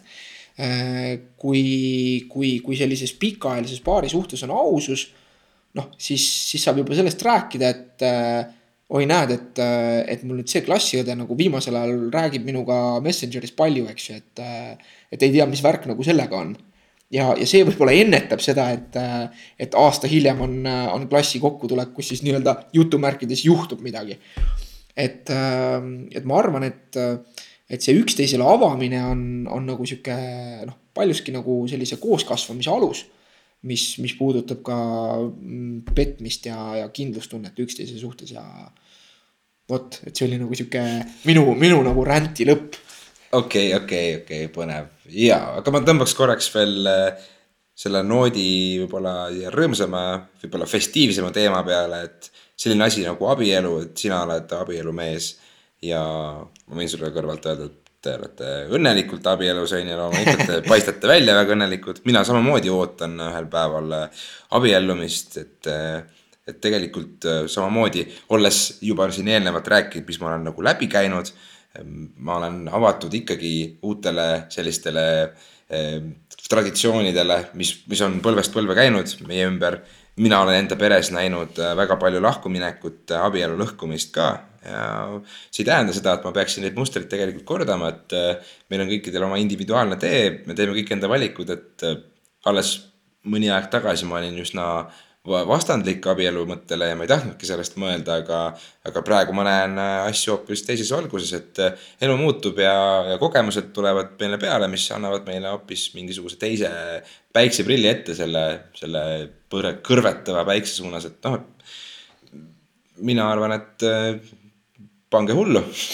noh, kindlasti nagu mm, abielu on nagu sihuke, see ei ole kindlasti nagu mingi maagiline asi või et, et. see ei... tundub selline mingisugune, see on sellise mingisugune pilvekene mingisugust maagilist äh, tolmu on üleval, et ma lähen kellegagi kahekesi sisse, siis me oleme igavesti nagu seotud, kaitstud ja, ja hõljume ringi, et tegelikult see vist on äh, kahjuks ka paljuski selline äh, selline legaalne või, või selline dokumenteeritud äh, sündmus, mis äh, paneb äh,. ühiselt saab laenu võtta no just, et saad nagu rahad alla tõmmata ja lõpuks selle kuradi kapitaalremondi ära teha, onju.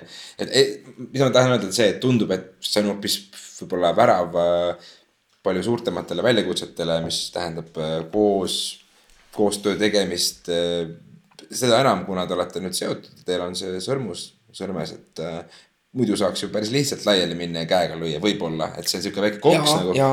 Et kindlasti see on mingi nagu lisapühendumine, et, et äh, inimesed, noh, tegelikult ma jälle siin paar võiks nagu läbi arutada, et mida see abielu nende jaoks tähendab, enne juba, kui seda sõlmida, et äh,. just, et muidu teed, vaata, kui sa teed abielulepingu, siis sa teed ka mingisuguse, mingi lahutuse puhul toimuva mingisuguse varalise, kõik tuleb ju läbi mõelda, et et ühtepidi me juba nagu reaalselt mõtlemegi sellele, et ühel päeval läheb see asi nagunii aia taha, võib-olla ja kui läheb, siis äh, mis siis saab, et, et. noh, ma teatud mõttes mõistan, miks kuulsused näiteks neid abielueelseid lepinguid teevad. aga enda puhul küll nagu, kuidas nüüd öelda, võib-olla ma olen naiivne, aga, aga hea näide on ka see, et minul ja äh, minu abikaasal on äh, tätoveeritud sõrmused. ja, ja me mõtlesime, et noh, et loomulikult ideaal on see, et äh, me oleme koos igavesest ajast igavesti. Äh, aga me mõtlesime või arutasime läbi, et, et noh, et olgugi, et seda nagu kindlalt ette teada ei saa, siis, siis ükskõik, mis peaks selle suhtega kunagi juhtuma, siis, siis see on see mälestus, mis, mis ongi seda väärt. et, et ma olen täiesti kindel, et kui, kui meie suhtega midagi, midagi juhtuks või ükskõik, kuidas juhtuks, siis, siis ma ei laseks seda tätoveeringut eemaldada et, et, et see on minuga, las see, las see olla. ja, ja samamoodi ka, et noh, ma, ma loodan, et, et, et mina või, või meie oleme sellised, kes, kes noh, alati saavad asjad ära klaarida. et, et ma nagu ei, mm, ma ei, ma ei usu, et noh, kuidas nüüd öelda, et, et, et ma proovin olla enda, enda paarisuhetes alati hästi aus et see on asi, mida ma olen mõnes mõttes enda läbi erinevate suhete õppinud ja, ja selle koha pealt ma olen tegelikult hästi tänulik oma abikaasale. Et, äh, et sellise lõpliku aususe ja, ja selle nagu suhte aluseks panemise idee tuleb tegelikult temalt. et, ähm, et seni või enne enda varasemates suhetes ma ikka arvasin, et võib-olla nagu noh, et võib-olla nagu mingisugused siuksed valged valed või mingisugustest asjadest ikka ei räägi või niiviisi, et äh, noh, see ei tähenda nüüd seda, et, et mina ja mu naine nüüd iga päev nagu istuksime ja et nii, et nüüd lagedale kõik mõtted, mis sul päevast on läbi käinud peast mm., eks ju. Et, et pigem on see lihtsalt see, et et lisaks sellele, et me oleme midagi enamat kui sõbrad, me oleme kindlasti üksteisele ka parimad sõbrad ja, ja me jagame nagu noh, samamoodi nagu oma parima sõbraga sa mõnes mõttes või parimate sõpradega. sa jagad neid asju, mis on sulle endale huvitavad, ühest küljest kas huvitavad või toredad. aga teisest, teisest küljest sa jagad ka neid asju, mis on nagu kuidagi rasked või hirmutavad. ja, ja, ja nagu meie proovime seda ka teha. Et Just, et, või, või nagu teemegi, et see, see ei ole nagu mingi teadlik soov, et see tuleb nagu loomulikult mm. -hmm. ja see kandub vist ka tegelikult sellest abielusfäärist üldsegi välja, et kui sa endale paarilise valid või vaatad endale inimese, kellega sa tahad üldse jagada enda muresid ja enda lihtsaid eluasju, enda keerukamaid asju, võib-olla tahad võtta finantsilist vastutust koos.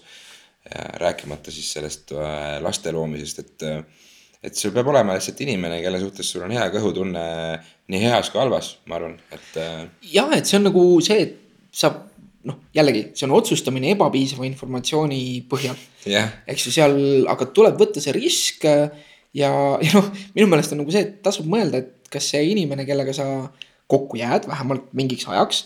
et kas see on see inimene, kellega sa tahaksid oma asju jagada ja kellega sa saad neid asju jagada. minu jaoks on see nagu suur optimeerimisülesanne ka, et minu jaoks oleks hästi imelik hoida nagu midagi, mis on nagu mulle hästi oluline enda lähima inimese eest, kellega ma mõnes mõttes veedan palju aega koos ja mm. jagan mingisugust ühist ruumi. et tema jaoks, tema eest nagu hoida mingeid asju nagu täiesti enda asjadena et, ähm, et noh, ma saan aru, et see vajadus võib olla, et, et nagu seal, seal säilib midagi sihukest individuaalsust ka ja noh, nagu see on ka mõnes mõttes, mul ongi need asjad, see on nagu, nagu see taskuhääling, eks ju, et yeah., et temal ei ole soovi tulla siia saatesse rääkima või, või ma kuidagi ei kooskõlasta temaga seda, mida ma igas saates räägin, et see on nagu minu asi selgelt. aga samas, kui me siin teeme midagi põnevat, siis ma räägin temaga sellest, ta annab mulle vahel saate kohta tagasisidet. noh, et, et see on nagu loogiline, et kui see oleks keegi inimene, kes üldse nagu sihukesest asjast ei huvituks. noh, siis oleks nagu mingisugune jupp aega, mille ma pühendan nagu sajaprotsendiliselt endale. ja, ja see aeg tuleb selle arvelt, et seda aega ma siis temaga koos nagu ei jaga Mm -hmm. et, äh, et seal ikkagi on, et noh, suhtes tekib nagu mingisugune meie. et loomulikult on nagu mingid asjad, mis on nagu minu aeg ja minu asjad ja mul on väga selgelt mingid asjad, mis meeldivad ainult mulle ja mida, mis teda nagu absoluutselt ei huvita. aga, okay. aga, aga samas on ta näiteks vahel nõus ära kuulama nagu minu sellised äh, entusiastlikud nagu mingisugused monoloogid sellest äh,. ja, ja, ja vastupidi ka. ikka jah see ei ole seotud sellega, et sa oled sellest temaatikast huvitatud, vaid sul on äh, selline kirglik äh, huvi ja hoolivus selle inimese vastu. ma olen huvitatud täpselt, ma olen huvitatud nendest asjadest, mis teda huvitavad. ja, ja täpselt, et, et tahad teada, kuidas ta päev läks kasvõi ja see ei tähenda seda, et see on nagu igav päev võib-olla tema silmis, et sina tahad teada nagu. mida ta lõunaks sõi või mida iganes, et sellised väiksed detailid, et see on palju enamgi rohkem seotud mitmel tasemel kui, kui lihtsalt see, et mul on nüüd huvi konkreetselt selle tegevuse vastu. jah, et selles suhtes sealt nagu kasvabki välja see, et, et see on nagu nüüd suhte loomise hetkest peale, et nagu see teine inimene peaks sulle nagu inimesena ka huvi pakkuma. et mm., et okei okay,, et seal alguses on nagu mingisugune noh, kindlasti nagu mingi sihuke natuke füsioloogiline või selline nii-öelda äh, mitte nii teadvustatud külgetõmme. aga aga, aga et see inimene peab lisaks sellele, et noh, lisaks sellele, et sa mõtled, et tal on ilusad tissid näiteks on ju. et, et ta peab sulle pakkuma nagu mingit moodi huvi ka ja, ja, ja selles mõttes, et see huvi siis peaks nagu säiluma või, või nagu noh, sa peadki mm -hmm. vaatama, et kas see, kas see huvi siis aja jooksul nagu säilub, kas selles on mingid inimesed, asjad, kas selles inimeses on mingid nagu asjad, mille kohta sa tahad veel teada, veel avastada. kas sa tahad mingisuguseid ühiseid kogemusi saada mm. -hmm kuskil mingisugune teadusartikkel kunagi ütles ka ära, kuna see ahvi armastusperiood üle läheb, kus see pilvedest tullakse alla ja roosad äh, päikseprillid tulevad eest ära, et. et see on see moment, kus paljud murduvad, kes tegelikult arvasid, et nad on kellegisse väga kiindunud ja armastavad lausa kedagi, et, et äh, see selline füüsiline suhe, see seks hakkab muutuma igavaks juba ja siis sa näedki, et kas see inimene tegelikult sulle ka vaimselt, äh, mentaalselt midagi pakub ja annab ta sulle kaaslasena äh,. seks muutub kunagi igavaks. no seal artiklis niimoodi ütles. ma ei tea midagi sellest ma ei tea. et äh, noh, loomulikult nagu asjad, äh, et, et harjumused, inimene on harjumuste ori, eks ju, harjumustest me oleme siin palju rääkinud ka äh,. aga, et, et loomulikult võivad tunduda, et mingid asjad on rutiinsed, aga, aga see ongi nagu, kui sa tunned, et mis iganes asi teise inimesega koos on rutiinne. ükskõik, on siis, siis seks või see, et te sööte iga päev lõunaks nagu sama toitu. noh, see on asi, millest saab jälle rääkida, kui, et, et, et kui on nagu vähem seda hirmu, et sa kardad nagu haiget teha ja kardad haiget saada. või, või, või kui sa mõtled nagu vähem selles raamistikus üldse, et suhe on nagu mingisugune hirmus sihuke haiget saamise koht mm.. Äh, kui mõelda selles raamistikus vähem, siis ma arvan, et see tegelikult äh, nagu suhete kvaliteet tõuseb. et see on see, mida ma mõtlesin, et inimesed ei peaks võtma suhteid nii, nii tõsiselt et, et loomulikult on teise inimese ees mingisugune vastutus ja, ja, ja, ja see, kui sa teisest inimesest ei hooli või kui sa mõtled, et aa ah,, et mul suva, et. et ma tean, et miski teeb talle haiget, aga ma nüüd viskan kõik need asjad nagu lagedale, et noh. see ei ole loomulikult nagu õige. just, et, et ma kardan ka, et, et mõned meie kuulajad võib-olla võtsid natuke seda kui sa ütlesid, et, et seda ei tuleks niivõrd tõsiselt võtta, võib-olla nad mõtlesidki seda, et, et oota, mis mõttes, et ise mingisugused pereisad ja, ja, ja nii edasi ja nii edasi, et ega me ei olegi kunagi rääkinud sellest, et vastutust või, või sellest, kuivõrd tõsiselt, et ega mina näiteks isiklikult ei tahagi oma aega investeerida millegisse, mis, millest ma ei hooli, mida ma ei tahaks teha, et, et, et loomulikult ma võtan tõsiselt kõike, mida ma teen, ka seda, kui ma jalutan tänaval, ma võtan väga tõsiselt ja ma panen oma sada protsenti sinna sisse, et äh, Henry Rollins vist kunagi ütles seda, et kui ta kuskil kafeteerias või kuskil McDonaldsis töötas noorena, et, et, äh, et ta tahtis seda teha sama intensiivselt kui, äh, kui Black Flag tegi. ja, ja siis, kui ta eelmisel bändis oli, siis ta tegi seda bändi niimoodi intensiivselt, et, et lihtsalt peab mingisugune kirg olema ja samamoodi suhete ja inim, inimsuhete ja usalduse mõttes, et, et ära raiska teise aega, ära raiska enda aega aga ära võta ka nii kuradi tõsiselt seda asja, et sa muretsed ennast halliks lihtsalt mingisuguste väikeste detailide pärast no.. ja, et noh, nagu kokkujäämise otsus täpselt samamoodi ka lahkuminemise otsus on igal juhul otsus, mis, mis tehakse ebapiisava informatsiooni põhjal, kunagi me ei tea, mis, mis juhtub veel kümne aasta pärast või veel kahekümne aasta pärast. ja, ja, ja siinkohal ka nagu noh, tegelikult on võimalik, kui inimesel, et esiteks sellest me juba rääkisime, et noh, mina arvan, et et üksi õnnelik olemine on ka täiesti võimalik ja, ja, ja ma arvan, et praeguses ühiskonnas paljudele inimestele pigem nagu see võikski anda meelerahu, et mitte nagu meeleheitlikult otsida kaaslast või, või, või kuidagi proovida ehitada seda lugu, et, et üksi ei suuda nagu õnnelik olla. kindlasti, kindlasti suudad, see on võimalik ja, ja teisest küljest ka nagu maailmas on äh, seitse miljardit inimest, eks ju, et äh, peale sinu veel rohkemgi, on ju. Äh, kui sa piirad asja enda jaoks ära, siis okei okay,, nagu nendest ainult pooled on äh, sellest soost, mis on siis eelistatud, on ju. et äh, ja, ja, ja vanuseline jaotus ka, eks ju, aga siiski nagu siin on kuradi palju inimesi. et, et leida kedagi, kes, kes sobib, kellega sa klapid, kes pakuks sulle huvi, see on kindlasti võimalik see on kindlasti võimalik ja, ja, ja see on nagu see stereotüüp, et igaühe jaoks on kuskil keegi. Neid keegisid on ilmselt veel isegi mitu ja noh, võib-olla valentinipäeva vaimus oleks hea rääkida, et, et kuidas siis nagu kaaslaseid leida. Äh, kuidas sinu nagu suhted on nagu, äh, kuidas see päris esimene moment on juhtunud? et, äh, et sa oled rääkinud sellest, et oled leidnud Tinderist kaaslast mm. -hmm. mina olen rääkinud sellest, eks ju, et, et abikaasaga tutvusin ühiste tuttavate kaudu. on sul mm -hmm. midagi põnevat veel välja tuua sellest, et kuidas nagu suhtepartnerit kasvõi väga lühikeseks ajaks. ja äh, mul endal võib-olla otsene, otsene praktiline kogemus puudub, aga ma olen äh, küll äh, tuttavate baasil näinud, et äh, inimestega kohtutakse sõna otseses mõttes juhuslikult, et äh, oled ühised tuttavate kaudu, oled sa kooli kaudu, töö kaudu, et äh, jah mitte midagi sellist väga-väga-väga erilist mulle pähe nüüd ei hüppa, aga võib-olla äkki kunagi üks tuttav kohtus oma kaaslasega autoõnnetuse kaudu, et nad põrkasid sõna otseses mõttes kokku, et no mine tea. see läheb huvitavalt kokku sellega, et tegelikult äh, see on ka, et kui sa tahad, et inimene sulle meeldima hakkaks või, või kui sa noh, kui sa mõtled kellelegi, et tegelikult on olemas teadlikud viisid, kuidas nagu sellist meeldivust ja, ja, ja ühist nagu sellist huvi suurendada. Mm.. et see ei ole niiviisi, et see on kõik puhtalt juhus. Ja, ja üks selline võimalus, mis, mis teadlased on leidnud, on tegelikult see, et tasub koos läbi teha midagi väga emotsionaalset. et see mm. autoõnnetus oli midagi, mis nagu juhtus ette, et neil inimestel, eks ju, siin võib mõelda ka, et neil on automaatselt mingisugune ühine äh, väga emotsionaalne kogemus, mida nad jagavad midagi, millest saab mm -hmm. rääkida ja mis jääb väga eredalt meelde, et see on väga eriline, eks ju. ja, ja need inimesed, kellega kohtusid selle käigus, need on väga erilised asjad. noh, loomulikult ma ei taha siin öelda seda, et tasuks nüüd korraldada autoõnnetusi endale meeldiva inimesega, eks ju. otsi ta üles ja sõida talle sisse, kurat et äh,, et äh, jah, see oli, eks ju, sarkasm. me mm -hmm. loodetavasti ei pea enda saates seda liiga üle ütlema ähm,. järgmine kord Kärt kirjutab juba, et kuule nüüd mul läheb auto maha kandmisele ja meest ikka ei leidnud, et nagu jah, sorry Kärt et äh, et, et tegelikult nagu seda on võimalik lihtsasti teha, nagu minge Ameerika mägedele, minge põgenemistuppa, hüpake koos langevarjuga.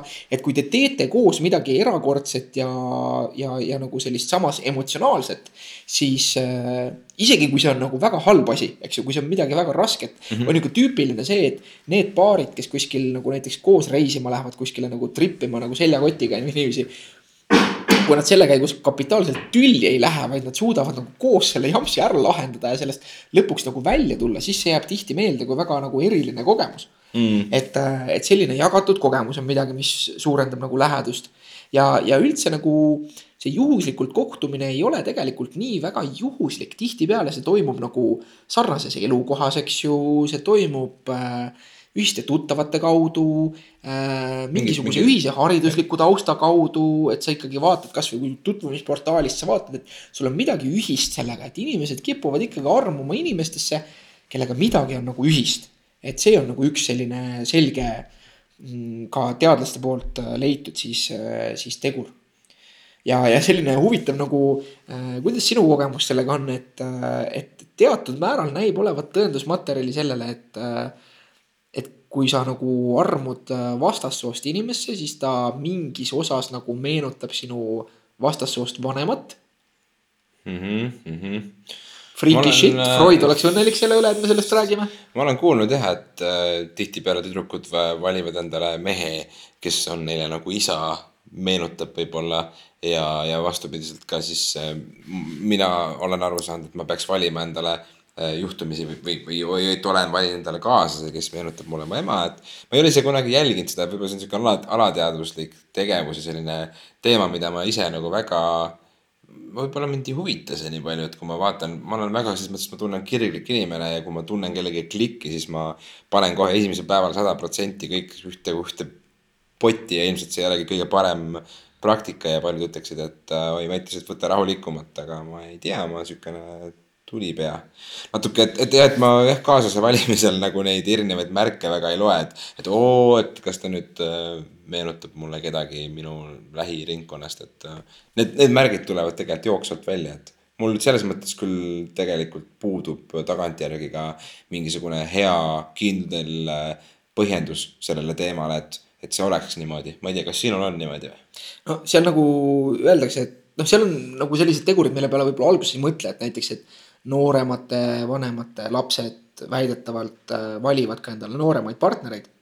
Äh, minul on näiteks sihuke naljakas asi, et ma alati mõtlesin, et mulle meeldivad brünetid, et nagu ma millegipärast kuidagi kasvasin sellega või teismees mõtlesin, et mulle meeldivad brünetid ja siis ma ühel hetkel avastasin, et äh, kõik minu pikaajalisemad partnerid on, kaasa arvatud mu abikaasa sellel hetkel, kui ma temaga tutvusin, noh.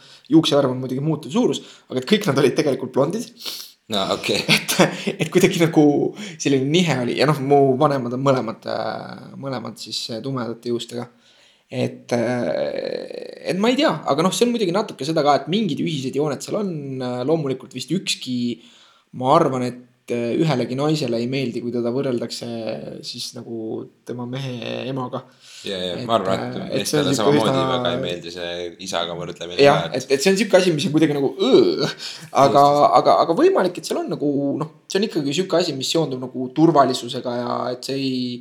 see noh, ütleme nii-öelda, et, et see, mis puudutab nagu sellist freudismi, mina nagu psühholoogiat õppinud inimesena ise nagu arvan, et Freud kuulub nagu psühholoogia ajaloo, psühholoogia ajalukku, kui mitte psühholoogia ajaloo prügikasti äh, et äh, aga, aga natukene seal mingid okay., mingid seosed on, et, et äh, ja mis, äh, mis veel, kuidas saab partnerit, partnerit leida, seal on tegelikult lihtsad asjad, et ole meeldiv, ole naeratav. jah, ole avatud, tee jooksvaid komplimente, ära pinguta üle ja ole lihtsalt selline kiirega seda energiat, mida sa ise tahad saada võib-olla. Jah, naerata, et naeratamine äh, mõjub atraktiivsena, et äh, sealt ka, et kui sa samas ei, see, see haakub hästi sellega ka, et et kui sul on nagu kogu aeg sihuke resting bitch face, eks ju, et siis yeah. võib-olla inimesed ei, ei pea sind nii atraktiivseks. aga samas tõenäoliselt sellel hetkel sa ei ole ise ka väljas selle peale, et aktiivselt äh, partnerit otsida. et siin yeah. öeldakse ka, et tegelikult armumises üldse ka teistesse inimestesse et seal ei ole mitte sugugi niivõrd pistmist sellega, milline on see teine inimene, vaid sul peab endal olema ka selline teatav eelhäälestus või valmisolek selleks, et armuda mm.. et, et selleks, et see üldse saaks, saaks juhtuda. et sa ise no muidugi ei teadvusta seda, et oi, et ma nüüd olen valmis armuma, vaid, või et ma yeah. nüüd tahan.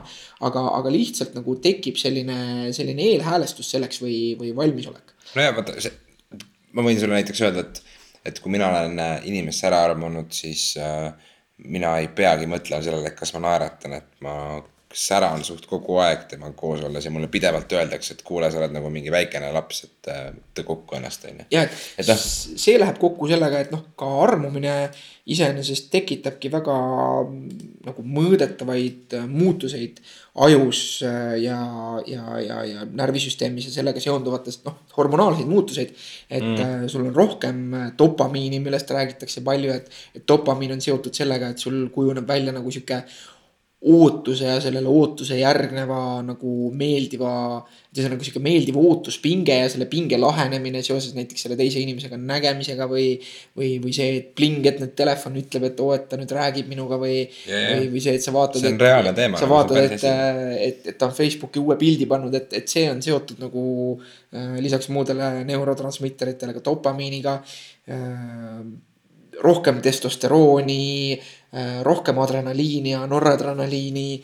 et, äh, et sealt ka kõik, et higistad natuke rohkem, et siuksed natukene ärevusega seotud äh, sümptomid ja mm, -hmm. ja, ja selline äh, isegi nagu värvid tunduvad eredamad ja, ja kõike seda saab tegelikult ajukeemiaga päris hästi seostada. ja just ja see tegelikult omakorda ka mõjutab tervet sinu ülejäänud elu tunnetust ka. jah, ja käitumist ja, ja et seda, et.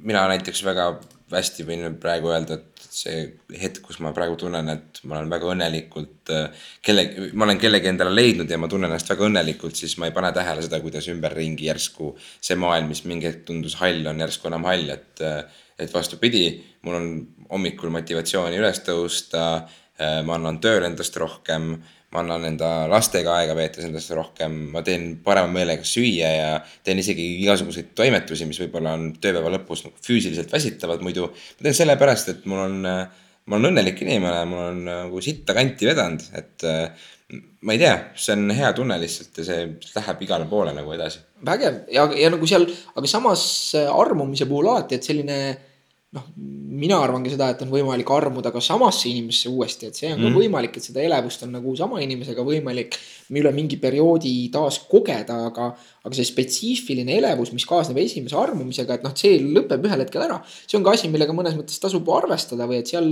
see, see nii-öelda see, mida me nimetame armastuseks, see, et me tahame ühe inimesega nagu väga pikka-pikka aega koos olla ja, ja elu jagada.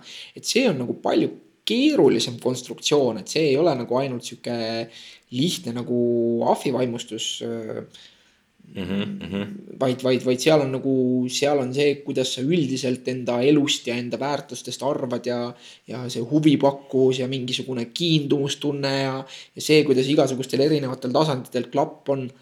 aga noh, seda klappi tekitada näiteks jällegi, et, et kui me ütlesime, et üks võimalus on, on nagu elada koos läbi midagi emotsionaalset, siis äh, siis äh, teine hea võimalus on tegelikult äh, jällegi luua nagu sellist lähedust läbi rääkimise. see on mõnes mõttes see, mida meie siin nädalast nädalasse teeme, et äh, noh, kui me alustasime seda podcast'i, et, et ei saa öelda, et või noh, nagu ma ei pidanud sind enda sõbraks, aga peale nüüd nagu viite mm -hmm. saadet ma ütleks juba küll, et, et sa oled mu hea sõber. Et, et sellist nagu lähedust loob nagu endale olulistest asjadest rääkimine ja üksteisest rääkimine.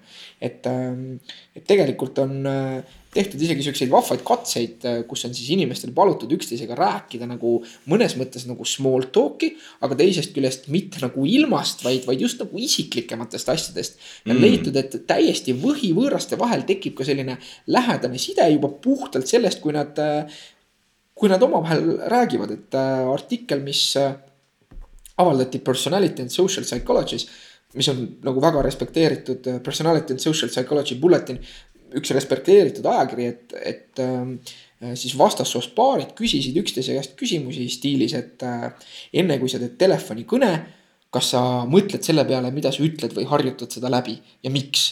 et mm., et just sellised küsimused või et millal sa viimati laulsid iseendale või kellelegi teisele et, et sellistest nagu isiklikest asjadest rääkimine, mis samas esimese korra kohta, need olid võhivõõrad inimesed, kes tutvusid. Mm, noh, et näiteks ka, ka mingis mõttes väga isiklikud asjad, et kas sul on näiteks äh, olemas mingisugune aimdus sellest, et millal või kuidas sa võiksid või tahaksid surra.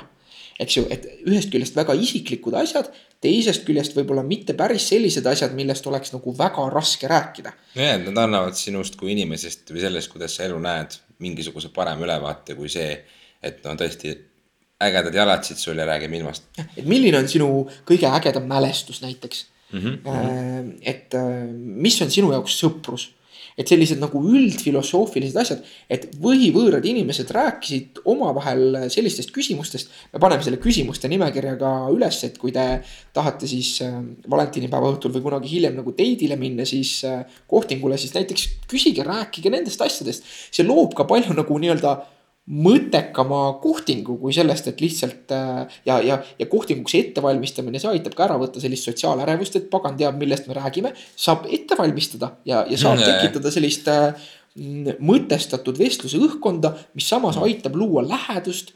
ja, ja ka piisavalt ruttu aru saada, et kas see on see inimene, kellega sa tegelikult äh, jagad mingisuguseid väärtuseid, mis on alus sellele, et, et peale siis äh, viieteistkümnenda veebruari hommikut võiks, võiks veel aega koos veeta. et, et saate ilusasti nende küsimustega ette valmistada ja mis siis leiti, on see, et, et selline mõtestatud teemadel küsimine, vestlemine, teise inimese kuulamine lõi juba puhtalt neljakümne viie minutiga sellist läheduse tunnet. ja, ja selle eksperimendi nagu follow-up oli see, et mingi mõned aastad hiljem nagu nendest kas neljakümne viiest paarist, kas kolm paari olid isegi abiellunud hmm.. et hea võimalus inimestega tutvuda, minge psühholoogia eksperimentidesse. ja ma arvan, et sellega võime sellel teemaga kokku võtta. sõlm peale, kohtuge, armuge, armastage, rääkige üksteisega. Rääkige üksteisega, see on minu, minu sõnum, et, et õppige üksteisega rääkima, võtke selle jaoks aega, tehke sellest harjumus. see on hea suhte, ükskõik, kas see kestab ühe õhtu ja ühe öö, okei okay,, siis ei pea palju rääkima, aga rääkides on võib-olla ikkagi parem, ma arvan või see kestab äh, aastaid ja aastakümneid. Äh, see on minu isiklik arvamus ja nõuanne nendele, kes, kes tahavad häid suhteid. ja, et lisaks rääkimisele ja eneseväljendamisele on ka asju, mida sa tegelikult võib-olla ei kipu väljendama, et kuula ennast ka. ära häbene seista enda väärtuste eest, kindlasti see on suur asi minu meelest, et kõige halvem on see, kui sa tekitad endale harjumuse alla neelata mingisuguseid äh, erinevaid asju elus, mida sa tegelikult ei soovi ja siis sa kannad seda raskust kaasas ja siis sa oled selline endasse tõmbunud natukene võib-olla äh, ründav inimene, et see, seda ei ole ka kellelegi nagu tiimi vaja, et või, või üldse äh, sõbrakski, et, et lihtsalt tuleb rääkida, tuleb kuulata, tuleb austada, ei tohi isiklikult võtta asju, mida öeldakse ka, et kõik need asjad on mingis mõttes hästi universaalsed ja et, et see ei tähenda seda, et kogu aeg või et noh, mina kindlasti ei ole nagu oma suhtes mingisugune metsik lobamukk, eks ju. võib-olla ma räägin küll keskmisest inimesest rohkem, aga see ei tähenda seda, et kogu aeg peaks mingi vaterdama või, või et siis kogu aeg peaks mingi jube filosoofiline olema, kakskümmend neli seitse kogu aeg mingisugune filosofeerimine käib. mitte seda, üheskoos vaikimine on ka väga tore ja, ja seda peab tegema, aga ikkagi, kui noh, teisest inimesest rohkem teada saada rääkimine on üks paremaid viise, teise inimese pea sisse me ei näe. ja, ja selle pea sisust äh, saab teada ainult läbi vestlemise, nii et äh, isegi kui inimesed on introvertsed, ei taha ennast avada, neile meeldib koos vaikida, siis, äh, siis lisaks sellele vaikimiskogemuse jagamisele ka jagada seda, mis enda sees toimub. aeg-ajalt selle tegemine, ma arvan, on hea suhte alus. ja, ja olemegi jõudnud lõpule mammutsaade, mammutsaade purgis. poolteist tundi, äh, esimest korda Äh, esimest korda poolteist tundi, üle selle me ei taha kunagi minna, kui hakkavad teemad nii pikaks minema, siis äh, tõmbame saate juppideks. jah, et ja... täna me tahtsime lihtsalt selle suhteteema lõpuni ära tõmmata, mõtted ära rääkida ja edasi me liiguksime juba uutele jahimaadele. vaatame välja, kui teil on jällegi mõtteid, soovitusi, mida te tahaksite kuulda, ükskõik millisest elualast, et igasugused kommentaarid ja, ja igasugused soovitused on meile väga teretulnud. jah, et ilmselgelt suhteteemad meile annavad palju mõtteainet, meil on põnev nendest asjadest omavahel rääkida. meil on põnev nendest asjadest äh, lugeda ja, ja uurida, saada targemaks, avastada. loodame, et teil oli ka huvitav. ja olgugi, et meil on endal ka ideid järgmisteks kordadeks, aga tõesti, andke meile mõtteainet. jep, okei okay,, teeme Nukid. nii, järgmine nädal, tšau tšau